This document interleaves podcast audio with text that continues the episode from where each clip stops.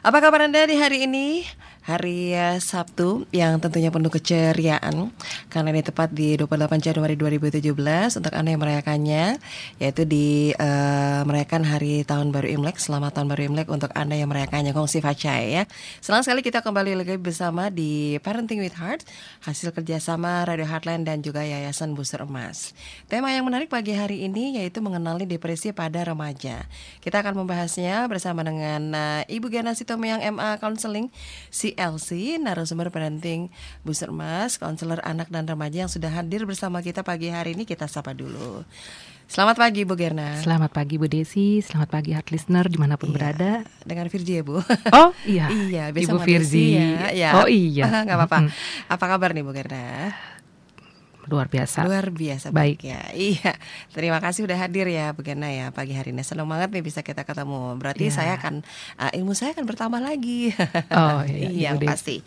Ya ini tema yang menarik ya dan juga menjadi mm, bisa menjadi per- eh, sebuah permasalahan juga dan eh, PR juga tugas orang tua nih ya menghadapi remaja-remajanya nih apalagi dengan masalah eh, depresi ini ya.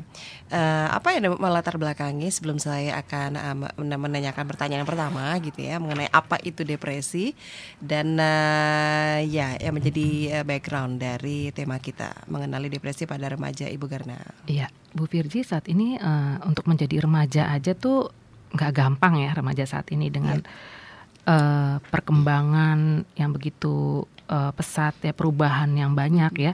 Jadi kalau eh, dahulu kan eh, remaja ya kalau kita ingat waktu kita remaja nih Iya. Bu Virgi Iya, ya. itu saya remaja. eh kita tuh pasti sensitif untuk hal-hal seperti konsep diri, eh, penampilan, terus kita mulai eh, lebih dekat kepada teman-teman ya daripada dengan keluarga gitu ya. Iya. Eh, at- dan kita eh, sangat tinggi kompet, eh, apa untuk rasa bersaing untuk mendapatkan eh, nilai atau prestasi ya Iya. di sekolah gitu ya. Eh, dan juga eh, kesulitan lagi eh, tentang eh, bagaimana apa pemakaian obat-obatan ya Mm-mm. di lingkungan mungkin ada teman-teman atau eh, selain drugs juga alkohol gitu udah mulai belum lagi masalah eh, seksual ya. Nah saat ini eh, bukan hanya itu aja tapi eh, dengan adanya perubahan eh, budaya dan sosial ya seperti sekarang perkembangan sosial media ya Iya. itu lebih membuat kondisi remaja makin sulit, semakin banyak stres pada remaja, Mhm. ya. Nah, eh, sementara eh, remaja ini eh, tidak mengetahui bagaimana sih caranya untuk melegakan perasaan mereka dari stres-stres tersebut, gitu ya. Iya. Dan orang tua juga tidak bisa mengenali perilaku-perilaku perubahan-perubahan yang ada pada remajanya.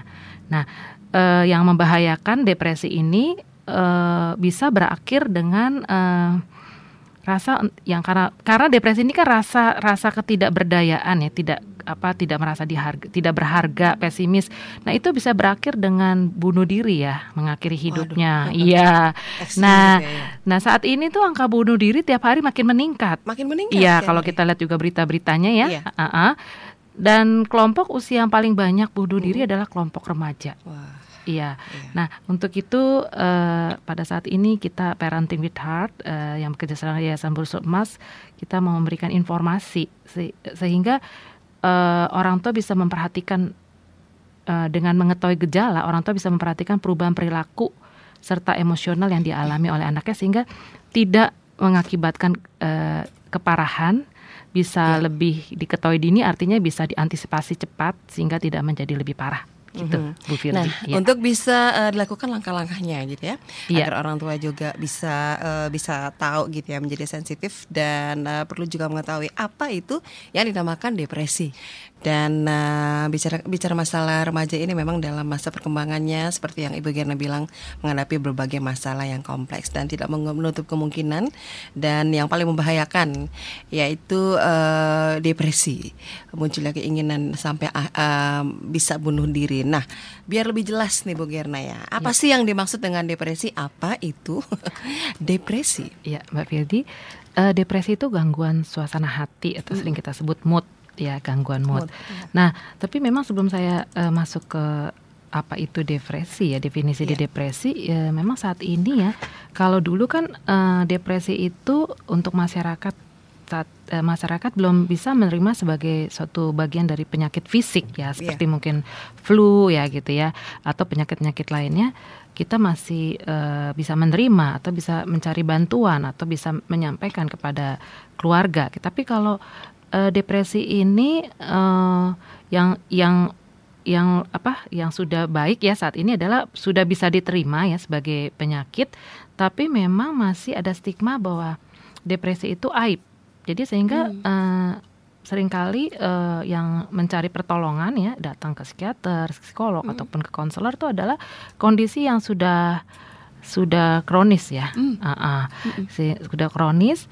Uh, karena mungkin itu tadi ya stigma di masyarakat menatap, mm uh, masih uh, memiliki suatu pemahaman bahwa depresi mm itu aib, depresi itu adalah mm uh, gangguan uh, pada diri orang tersebut, ada masalah pada orang tersebut, gangguan uh, karena karakternya atau yeah. mungkin uh, apa cara-cara pemikiran mm gitu ya. Dan itu buat keluarga menjadi aib. Sehingga mm uh, pemahaman ini membuat uh, kondisi keparahan makin menjadi bagi penderita.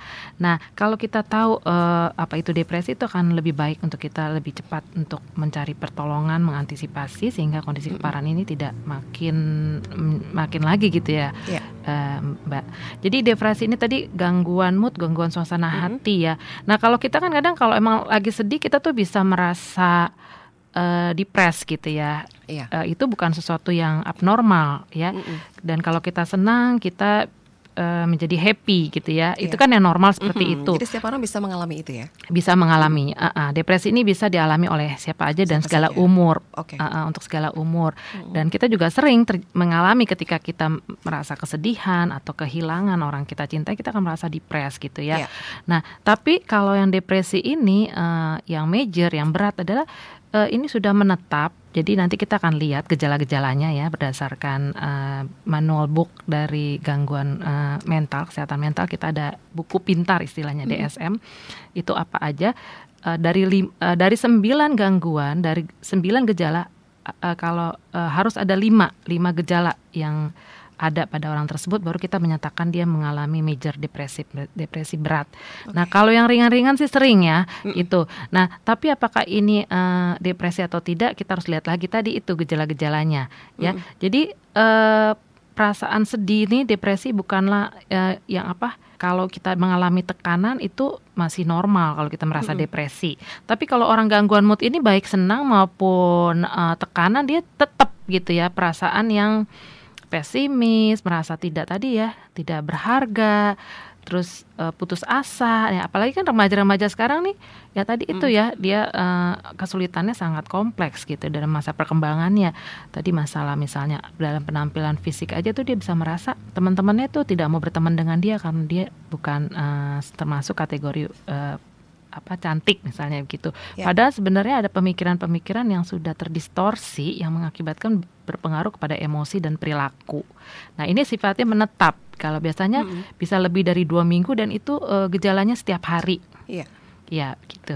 Oke, okay. ya. ini ada perbedaan nggak ya untuk laki-laki um, dan perempuan? Ya, biasanya perempuan itu lebih uh, dua kali lebih lipat. Dua kali. Le, le, uh, tapi ini memang karena riset memang yeah. perempuan lebih uh, datanya dia lebih apa ya? Uh, dari waktu riset banyak yang mengembalikan data, jadi sehingga mm -hmm. uh, hasilnya bahwa perempuan itu lebih rentan, lebih banyak daripada laki-laki, mm. dua kali li lebih uh, banyak daripada laki-laki. Karena memang uh, perempuan itu lebih uh, bergantung, terus juga uh, suasana hati pada saat itu ya. Uh, pra menstruasi sindrom itu kan ada kita kenal PMS ya gitu yeah. ya dan uh, lebih lebih apa ya suasana hatinya tuh lebih lebih mengandalkan uh, perasaan mm -mm. daripada logika kalau laki-laki tuh lebih cepat untuk uh, apa bi bisa merubah situasi hatinya gitu loh lebih cepat mengalihkan kemampuan mengalihkan itu keterampilan mengalihkan tuh lebih baik daripada perempuan uh, sehingga mengapa perempuan itu uh, lebih dua kali lipat lebih banyak daripada pria. Iya. Double gitu ya? Iya. Mm-hmm. Ini apakah bisa dikatakan bahwa perempuan itu gam- lebih gampang mudah sedih seperti itu, Bu? Uh, ya bisa bisa. bisa ya? uh, uh, uh. Tapi memang uh, depresi ini sangat kompleks ya kompleks. dan berba uh, hetero ya. Jadi kita nggak hmm. bisa nggak uh, bi bisa apa ya karena uh, bi bisa aja gampang sedih tapi ini mengakibatkan depresi atau tidak nah itu yang kita harus lihat nah supaya anda bisa mengenali um, apa yang anda bisa lihat dari remaja anda perlu kita ketahui nih ya ibu Gerna silakan yeah. untuk ciri-ciri dari depresi ciri-ciri yang diagnostik itu dari depresi iya apa sih ya eh, faktor-faktor uh, yang bisa uh, kita bisa menyimpulkan mendiagnosa bahwa uh, kita atau anak kita, anak remaja kita itu mengalami depresi ya.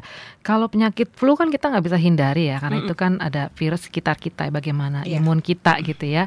Nah tapi kalau depresi ini kita bisa sebenarnya menghindari. Jadi kalau mm. kita tahu ya apa-apa apa gejalanya, terus mm -mm. uh, apa pemicunya, penyebabnya, mm -mm. kita bisa uh, membuat hidup kita itu bisa mm -mm. lebih seimbang. Jadi bisa mengurangi uh, apa hal-hal uh, yang bisa memicu ya. Mm -hmm. Nah tadi uh, apa Mbak Desi bilang, uh, Mbak sorry Mbak Virgi bilang tadi uh, apakah menyadari atau tidak remaja mm -hmm. ya.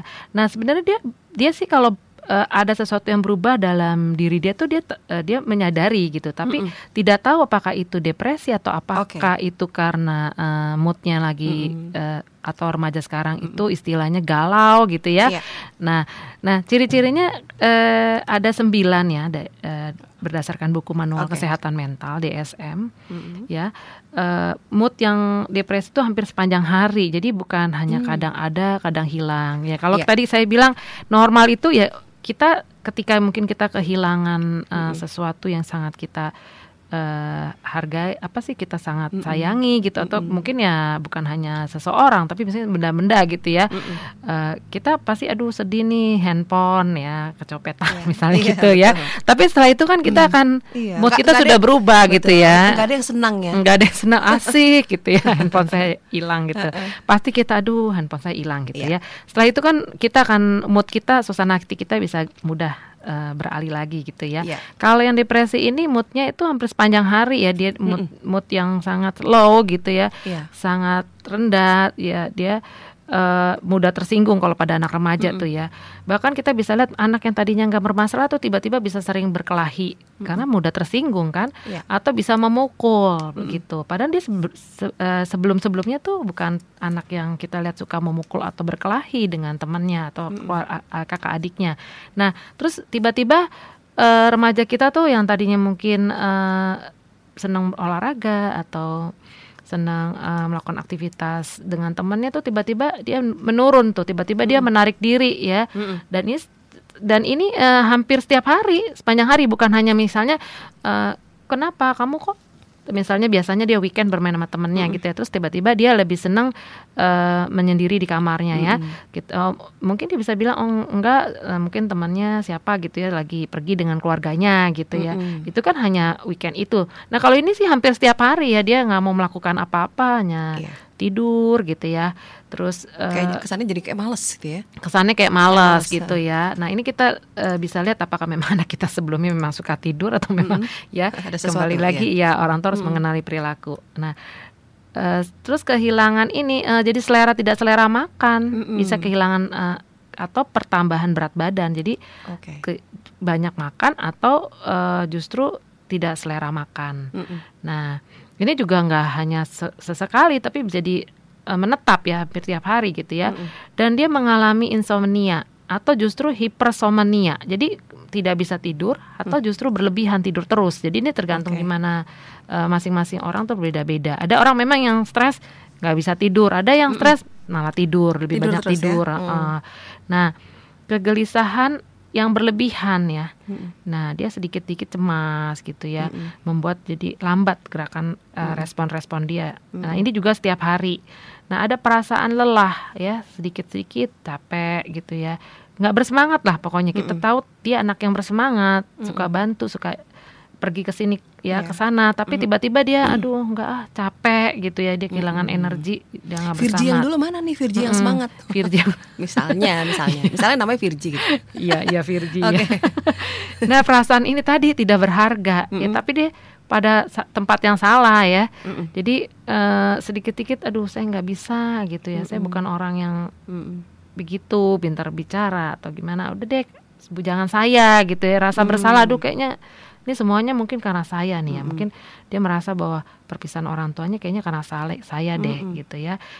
Eh, jadi eh, perasaan-perasaan ini yang tidak pada tempatnya dan tidak proporsional ya. Dan ini terjadi setiap hari ya, nggak Mm. hanya pada eh, situasi-situasi tertentu Iya. gitu.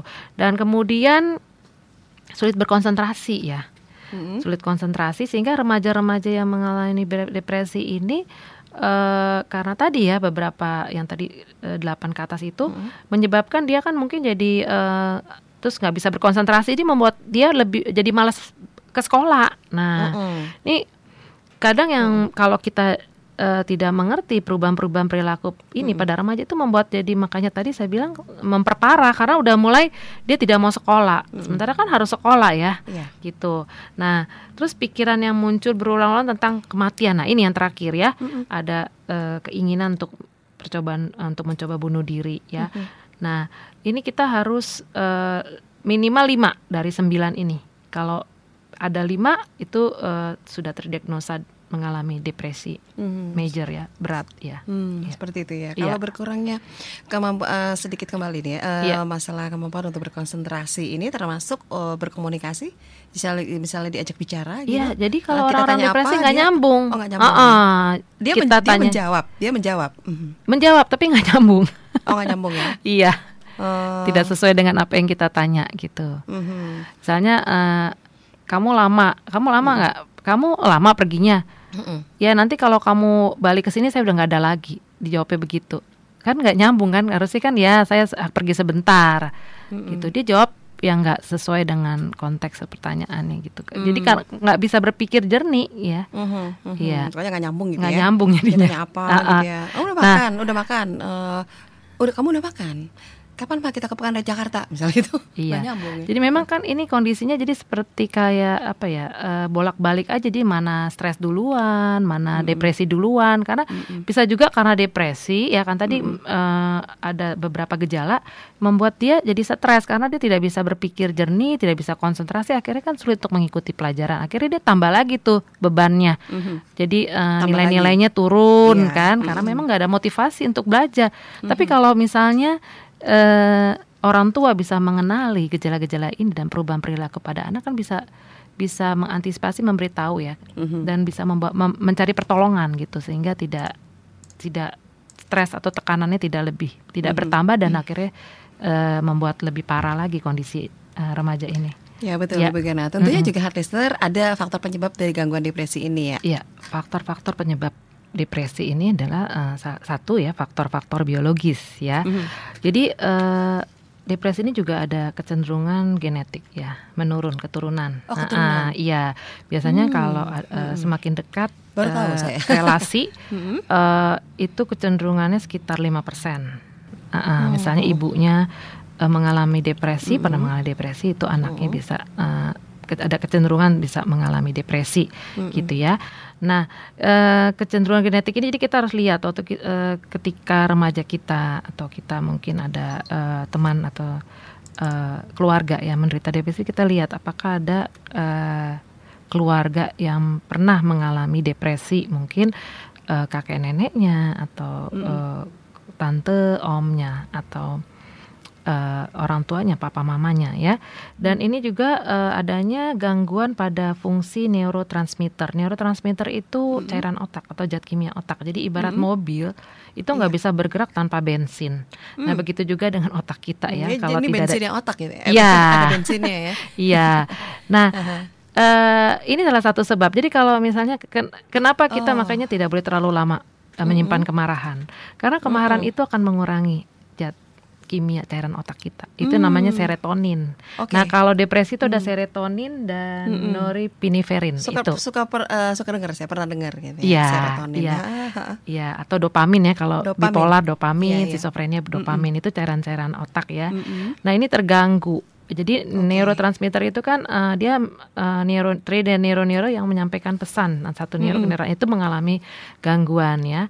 Mm-mm. Nah, juga ada juga memang eh, kelainan pada eh, struktur otak. Nah, yang Mm-mm. semuanya ini berhubungan dengan eh, mengatur mood seseorang. Oh, yang fungsinya Mm-mm. gitu ya. Mm-mm. Nah, juga ada juga keterlibatan sistem endokrin yang memungkinkan dalam kondisi mood gitu. Nah, Mm-mm. kedua adalah faktor-faktor sosial lingkungan. Tadi misalnya sekolah ya. Eh, ini makanya tadi itu ya bisa seperti suatu siklus mana stres duluan, mana depresi duluan Mm-mm. gitu ya. Kita harus lihat dari kasus per kasus. Nah, misalnya anak yang kita lihat nih eh waktu anak kita mengalami tadi ya gejala-gejala di atas Mm-mm. itu perubahan-perubahan itu pada perilakunya kita lihat nih sekarang di sekolah gimana nih kelompok temen? Mm-mm. tem temennya gimana gitu? Apakah eh, teman-temannya menerima dia? Apakah Mm-mm. menolak gitu ya? Terus lihat pelajaran sekolah. Nah apakah dia baik-baik aja? Artinya tidak terlalu sukar dia bisa mengikuti ya atau mungkin tidak terlalu mudah ya pokoknya bisa gitu ya anak kita mengikuti pelajaran di sekolah nah juga guru ya mana adakah guru-guru yang mungkin yang Mm-mm. tidak disukai atau yang guru-guru yang menyukai anak kita gitu Mm-mm. terus apa sih yang paling ditakutkan di sekolah Mm-mm. Nah, kita lihat ya apa yang tidak disukai di sekolah dan apa yang disukai tadi ya, ditakutkan, tidak disukai dan disukai di sekolah. Nah, ini kan eh, kalau eh, saya menghadapi klien gitu ya, klien-klien saya yang Iya. mengalami gangguan mental ini, Mm-mm. itu dia bilang bahwa tadi ya saya bilang eh, dia punya suatu memang ini kita lihat lagi nanti ya eh, Mm-mm. bagaimana ini bisa terjadi ke berubah ke perilaku ya. Mm-mm. Memang dari dari eh, pemikiran yang salah gitu, ya, Mm-mm. pemikiran yang salah. Misalnya dia bilang bahwa dia tuh kurang menarik gitu ya, kurang menarik. Mm. Terus situasinya itu Si anak itu kurang Mm-mm. menarik. Mm-mm. Dia merasa dia pemikirannya dia tuh dia Mm. kurang menarik gitu ya. Mm-mm. Eh, kurang menarik sehingga teman-temannya tidak mau berteman, ya ditolak Mm-mm. ya. Mm-mm. Mungkin sebenarnya kondisinya nggak seperti itu ya. Bahwa oke mungkin ada beberapa hal mungkin ya masalah minat kali ya nggak sesuai dengan minatnya nggak sama kan kadang temenan itu kan sesuai minat ho- ya kan minat yang Iya. sama terus apalagi eh, ada kecenderungan kecenderungan mungkin domisili yang sama Iya, gitu ada ya kesamaan-kesamaan gitu. ah, Mm. biasanya kita cari teman kan ada kesamaan-kesamaan Mm, gitu ya Betul. nah itu dia eh, temennya menolak dia merasa bahwa dia tidak menarik gitu ya Mm-mm. Nah perilakunya itu nanti ya yang menjadikan dia eh, apa ya jadi eh, menarik diri justru gitu Mm-mm. mengisolasi diri gitu.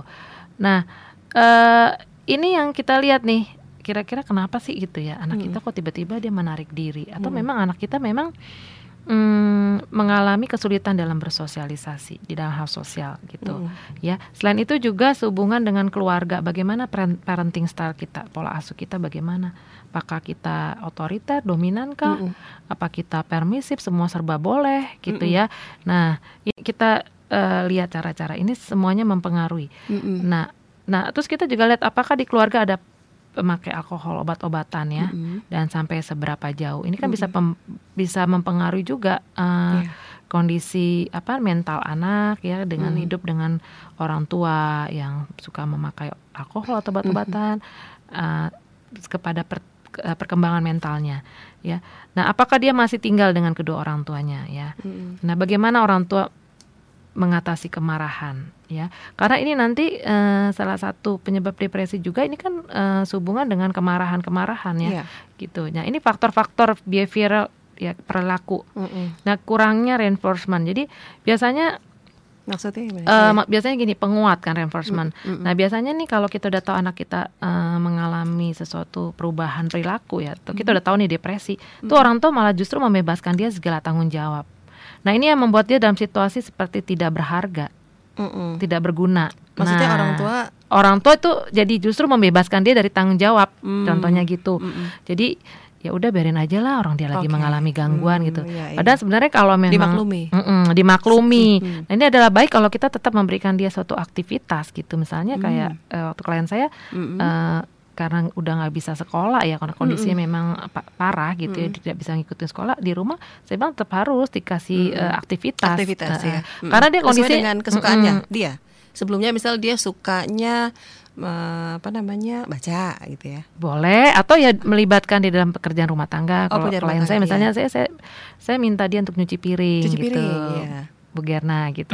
Nah, ini sangat menolong. Jadi kita nggak Iya. membuat dia semakin reinforcement semakin berkurang, akhirnya Oke. semakin eh, terisolasi dengan kondisi Mm-mm. depresinya karena gitu tidak ya. ada akt- aktivitas ya. Iya. Mm-mm. Dan terus adanya interaktif yang negatif dengan orang lain itu. Ya, Oke. jadi karena dia pemikiran negatif, otomatis dia behavioralnya perilakunya jadi negatif kan. Jadi Mhm. eh, sepertinya teman-temannya itu tidak menyukai dia. Itu Mm-mm. karena karena saya tidak menarik gitu ya. Atau saya tidak pintar, bisa begitu. Mm-mm. Nah, padahal sebenarnya mungkin uh, kurang usaha aja, kurang berjuang gitu. Atau misalnya dia dapat nilai jelek gitu ya. Dia karena punya pemikiran yang terdistorsi ya, uh, rusak gitu, pemikiran yang salah, yang negatif. Dia pikir karena dia tidak pintar, ya akhirnya dia dapat nilai jelek. Udah saya memang nggak saya udah belajar, udah susah-susah gitu ya, tapi saya tetap nilai jelek. Udah deh, saya lebih baik nggak usah belajar gitu. Jadi akhirnya dia kan uh, merasa tidak berharga, dia tidak uh, akhirnya berputus asa akhirnya ya itu tadi uh, lebih senang tidur misalnya gitu atau bahkan sulit tidur dan lain sebagainya gejala-gejala di atas gitu ya nah faktor emosional ya tadi ya ya perilaku tadi itu ya dia punya interaksi yang negatif terus reinforcement terus kalau emosional itu dan kognitif emosional tuh kemarahan diarahkan ke dalam jadi mm. uh, dia tidak mengerti mengapa dia marah dan bagaimana harus mm. uh, mengelola kemarahan mm. itu Nah ini makanya kita orang tua kalau kita tahu penyebab-penyebabnya kita perlu uh, memberikan skill anak kita mm -hmm. ya mm-hmm. bagaimana dia mengenal keberadaan dia, mm -hmm. terus mengapa dia marah dan bagaimana dia mengeluarkan kemarahan itu dengan cara yang tepat mm-hmm. gitu ya. Skill kemar skill kemarahan ya. Komunikasi gitu ya, skill okay. komunikasi, komunikasi uh, uh, iya. atau ya skill anger management kan oh, ada iya, ya, uh, ya mengelola kemarahan itu mm-hmm. ada. Nah, juga uh, kesulitan emosional dalam melakukan coping. Coping. Jadi uh, dia sus susah beralih gitu ya, dia mm-hmm. senang dengan kondisi kesedihannya.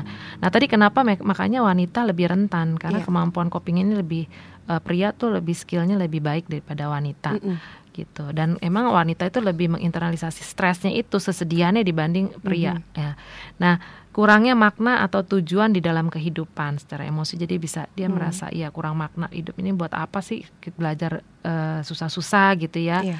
nah cara berpikir yang terdistorsi dari keyakinan-keyakinan negatif mengenai dirinya gitu jadi memang kita juga harus um, apa meng, meng, mengajarkan atau memberikan nilai-nilai mm-hmm. sebanyak-banyaknya kepada uh, anak-anak kita dari sejak dini ya untuk dia bisa uh, dalam hal mengambil sikap atau keputusan itu berdasarkan nilai-nilai yang sudah ditanamkan oleh orang tua, nilai-nilai keyakinan, kebenaran yang diyakini oleh orang tua atau keluarga. Jadi uh, bagaimana ketika orang lain marah gitu ya dengan kita? Itu kan ada kalau terdistorsi itu kan dia merasa bahwa orang itu marah mungkin ya itu ya karena saya nggak pinter, karena mm-hmm. saya nggak kurang menarik begitu loh. Nah, atau bagaimana menghadapi kegagalan. Ya, hmm. itu kan akan uh, bagaimana meresponi itu kan berdasarkan nilai-nilai yang uh, boleh nggak sih orang tuh gagal. Ada orang merasa dari pertama dari mungkin dari kecil dia sukses-sukses aja waktu uh, dia udah tempat kerja tiba-tiba dia melakukan kesalahan dia merasa jadi nggak berguna akhirnya menarik diri dari segala kegiatan tidak bersemangat banyak tidur atau kurang tidur akhirnya itu depresi ya. Hmm. Nah, Nah, ini juga ada pandangan-pandangan negatif tentang diri sendiri tadi itu hmm. ya. Jadi dia sebagai tidak berharga, penuh kekurangan ya, tidak dapat tidak dicintai, kurang memiliki keterampilan gitu ya. Kurang memiliki keterampilan untuk mencapai kebahagiaan maksudnya itu tadi ya. Bagaimana dalam mengelola kemarahan dan bagaimana skill untuk karakter yang fleksibel gimana sih gitu ya nggak kaku-kaku banget nggak serius-serius banget gitu ya ya udah kenapa sih kalau nilai uh, sekali-sekali jelek kenapa gitu ya terus kenapa kalau sekali-sekali teman kita nggak main sama kita gitu ya kalau yang terlalu serius itu kan sampai dipikirin gitu ya iya. uh, uh, akhirnya itu menambah uh, emosi yang uh, tadi negatif mm -mm. akhirnya ke, keluarlah ke dalam bentuk perilaku mm -mm. ya Nah, jadi juga ke lingkungan ya. Lingkungan, ya. Uh, uh, tadi keluarga udah, sekolah hmm. ya, terus uh, secara kognitif, secara emosi sekarang lingkungan. Nah, ini pengaruh juga ya. Iya. Ya itu tadi otomatis hmm. pasti pengaruh banget ya hmm. kalau kita punya apa memandang lingkungan sebagai uh, sesuatu yang berlebihan memberikan hambatan yang men, tidak mungkin diatasi terus-menerus menyebabkan kegagalan. Jadi kita kalau tadi uh, apa ya? Ya dipaksa udah lagi nggak bersemangat dipaksa gitu hmm. ya. Uh, ya jadi semuanya ya itu menarik diri mengisolasi. Akhirnya nggak ada interaksi dengan lingkungan jadi negatif. Ya apa apa kayaknya udah ada deh. istilah ini ya bu ya. Ansos. Jadi jadi ansos, ya, antisosial. Antisosial betul. Ya ya seperti itu ya kira-kira. Uh, uh. terus juga nggak punya masa depan ya dia pesimis mm -hmm. ya nggak punya pengharapan. Mm -hmm. dia merasa tidak ada kekuatan untuk mengubah-ubah hal-hal yang baik. Udahlah emang saya memang begini kok yeah. gitu. Mm -hmm. nah ini semua penyebab-penyebab yang membuat bisa uh, kalau kita didiamkan ya mm -hmm. bisa menjadi depresi berat tadi itu mm -hmm. Iya. Ya, nah, Mm. bagaimana bagaimana Iya. nih menangani eh, remaja? Penanganannya pada remaja depresi ini? Nah, penanganannya itu memang ya memang yang eh, sering kali orang merasa tuh obat nggak perlu gitu. Ah nanti anak saya ketergantungan obat. Iya. Tapi sebenarnya ada eh, tadi kalau kita tahu penyebabnya itu memang ada Iya. ketis, ketidakseimbangan cairan otak tadi, Mm-mm. sehingga memang perlu ada eh, untuk eh, menyeimbangkan itu obat Mm-mm, gitu ya. mm-mm. Memang obat ini bukan solusi, tapi dia akan mengurangi gejala-gejala pada depresi tadi, membuat Mhm. lebih tenang, Oke. lebih terarah lah perilakunya. Jadi untuk di konseling pun atau eh, di apa menerima masukan, juga Masukan lebih bisa lebih, gitu ya. iya, Kalau kondisinya lagi kacau, cemas, khawatir gitu, terus dia eh, apa bawaannya tidak semangat, Mm-mm. kita mau bilang semangat semangat juga nggak semangat. Semangat Jadi gitu. iya, Heeh. jadi memang ada beberapa kasus-kasus. Emang nggak semua sih yang klien depresi ini harus dengan obat. Jadi emang kembali lagi kepada eh, lihat kasusnya gitu ya. Dan memang harus di eh, apa harus ada dipantau. Mm-mm. Nah kebanyakan ada kadang orang tua udah dia obatnya ini udah tahu antidepresan obatnya ya. Hmm, misalnya kalau bipolar litium ya udah tuh kopi resep terus litium Mm-mm. gitu. Nah itu nggak boleh juga. Kita harus Mm-mm. tetap eh, membawa kontrol ke psikiater ya untuk eh, apa obatnya ini kira-kira gimana ininya gitu. Mm-mm. Eh, Jadi beriringan ya. iya. Jadi tidak hanya obat aja ya. Iya bisa, aja. iya bisa kan obat ini mengurangi gejala. Nah biasanya Mm-mm, orang tua udah udah anak saya nggak nggak nggak cepat neg- nggak punya pikiran negatif lagi bilang gitu udah udah tenang. Eh ini cuma sementara. Nanti lepas obat ya akan berulang karena pikiran-pikirannya itu kan tidak diperbaiki. Pikiran-pikiran negatif memang tetap harus eh, sejalan antara Mm-mm. obat dan konseling. Mm-mm. Nah, juga dengan tadi terapi kognitif behavior ya kita Mm-mm. memperbaiki cara berpikirnya supaya dia bisa mengembangkan respon coping yang lebih efektif dan menambah tingkat reinforcement yang positif itu. Hmm, Oke. Penanganan-penanganannya Mm-mm. yang bisa dilakukan oleh orang tua juga bisa ya Iya. ini ya. Ah. Mm-mm. Saya pernah eh, pernah ketahui juga ya Heeh. eh, bahwa kalau misalnya mungkin hubungannya dengan eh, dokter dan o- meresepkan obat-obat ini ya, Mm-mm. apakah memang eh, mungkin dari Gena bisa menyarankan juga eh, apa namanya kalau untuk biomedis mendapatkan resep itu ke yang memang khusus eh, spesialisnya Iya. atau memang di dokter umum. Kadang em, katanya apotek kalau menerima resep dari dokter umum agak susah gitu ya. Oh ya memang karena kan eh, untuk oh, maksudnya untuk untuk obat antidepresan jadi Obat, ya, iya. untuk safety aja takutnya tidak disalahgunakan gitu padahal iya. itu resep dari dokter juga gitu Iya, baiknya sih saya sarankan untuk ke psikiater ya, karena memang kan dia lebih dalam lagi belajarnya mengenai simptom-simptomnya,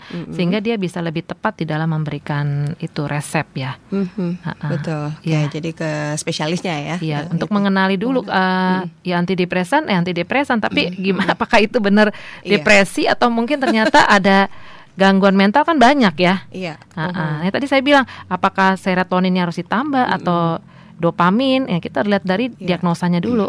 Ah, Nah itu yang bisa memberi diagnosa dokter umum setahu saya nggak bisa ya Iya. harus spesialis ya. jiwa ya Spesialis. psikiater ya Hmm, ah- Iya. ahlinya yang tepat gitu ya Iya. memberikan eh, resep yang tepat iya kita juga konselor kalau mau berikan konseling ya kita harus tahu dulu di- diagnosa yang diberikan oleh psikiater psikiater untuk gitu. kita bisa memberikan eh, penanganan treatment yang lebih Mm-mm. Pas untuk klien ya Oh ya, itu juga Iya. seperti kayak, kayak di rumah sakitnya kalau kita dok apa berobat gitu kan mau Iya. dilihat dulu dari ininya bisa dari ahli sarafnya apa, baru dokter selanjut spesialis selanjutnya bisa menangani gitu ya. Dia Iya. lihat dulu gitu kan. iya Mm-mm. kita coba-coba terapi kognitif eh, behavior ke klien kita ternyata kan ada masalah struktur otak atau Oh, iya. cairan otak tadi kan Iya, tetap harus eh, minum obat jadi ntar nanti eh, konselingnya juga nggak kurang efektif Iya ya betul ya. Iya.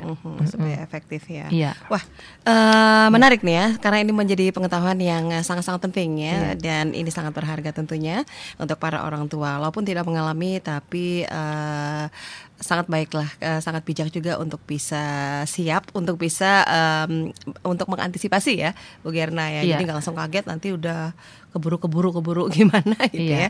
ya. Oke, waktu kita udah habis nih nggak terasa nih Bu Gerna. yang terima kasih banyak. Iya. Kita akhiri dulu. sama-sama Mbak Virgi Untuk Parenting with Heart pagi Iya. hari ini Terima kasih semoga bermanfaat untuk kita semua ya Iya. Dan eh, terima kasih Bu Gerna untuk hadirannya pagi hari ini Iya. Iya lain waktu kita akan ketemu lagi ya Tentunya Iya. di, per- di acara yang sama Dan sampai di sini Parenting with Heart, Heart Listener Terima kasih atas perhatian Anda Saya Dina Fidji, selamat pagi Anda baru saja mendengarkan program Parenting with Heart. Bila Anda ingin merespon program ini, sampaikan tanggapan, pertanyaan, atau komentar Anda melalui surat ke PO Box 489 TNK 15001 SMS atau WA ke 0817 881006 atau email ke tanya@jejakhati.com. Terima kasih atas perhatian Anda.